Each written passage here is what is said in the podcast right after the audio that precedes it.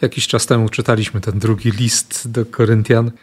Tę ekwilibrystykę Pawła, który, który odwołuje się do zwykłego współczucia, do solidarności braci w Koryncie i odpowiedzialności, ich odpowiedzialności za całą wspólnotę Kościoła. Teraz akurat Kościół w Jeruzalem potrzebuje pomocy.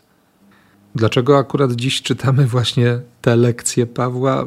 No bo taką lekcję daje nam Wawrzyniec.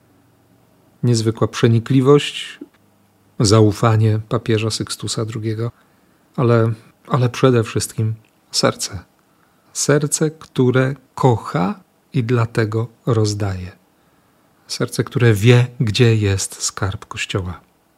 Biję się dzisiaj z myślami, bo wiem, że nie mam takiego spojrzenia na Kościół jak Wawrzyniec.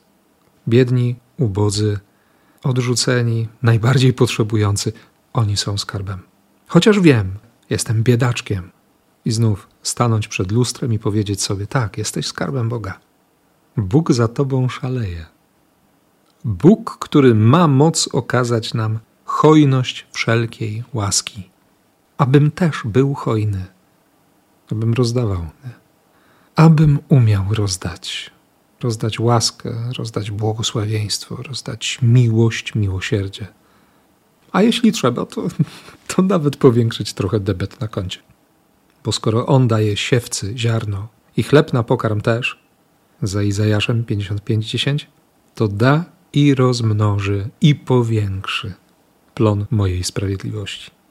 Mojej sprawiedliwości, mojego pragnienia znalezienia go, odkrywania Jego marzeń, Jego pragnień, Jego natchnień. Bardzo dobry prognostyk na resztę życia. Tylko stanąć przed lustrem i powiedzieć sobie samemu, ogłosić tę Ewangelię, że, że jestem, że jesteś skarbem Boga. Skarbem, świątynią, tym istnieniem, w którym Bóg odbiera chwałę. Przyszedł czas, aby Syn Człowieczy został uwielbiony. Grecy, nie? bo to jest ten dwunasty rozdział Ewangelii Jana, właściwie od dwudziestego wersetu.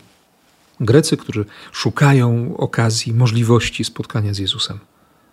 Chcą to załatwić przez Filipa. Filip idzie do Andrzeja, obaj idą do Jezusa. A Jezus żyje już tym, co się ma wydarzyć. I to tak dosłownie, bo on nie żyje śmiercią, ale żyje życiem, które da, które odda, bo nikt mu go nie zabiera. Ma taką wolność i wie, co mówi, wypowiadając choćby w tym 25 wersie: Kto kocha swoje życie, zmarnuje je, no bo, no bo ta miłość to troska o to życie. A kto nie dba o swoje życie na tym świecie, zachowa je na życie wieczne. I doskonale wiemy, i ty i ja, że nie chodzi o niedbałość, o niedbalstwo, o pogardę dla życia, tylko świadomość, że nie życie dla życia albo życie dla siebie jest sensem i, i jest skarbem, ale że ten skarb jest we mnie, jak Paweł napisze w innym miejscu, jako glinianym naczyniu, i że ta łaska, to błogosławieństwo ma się rozlewać, ma wypływać. Jeśli ziarno nie obumrze, samo pozostanie. Jeśli pęknie, jeśli da się rozerwać, jeśli ta siła, ta łaska, ta miłość wydostanie się na zewnątrz, jeśli eksploduje, to jest szansa.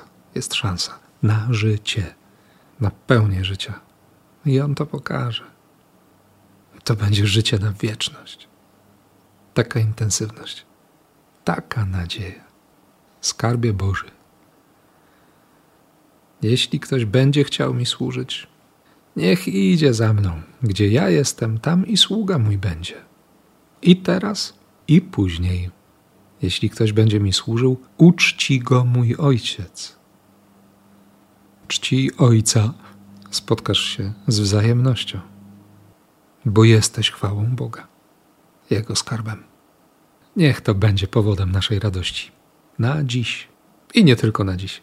W imię Ojca i Syna i Ducha Świętego. Amen.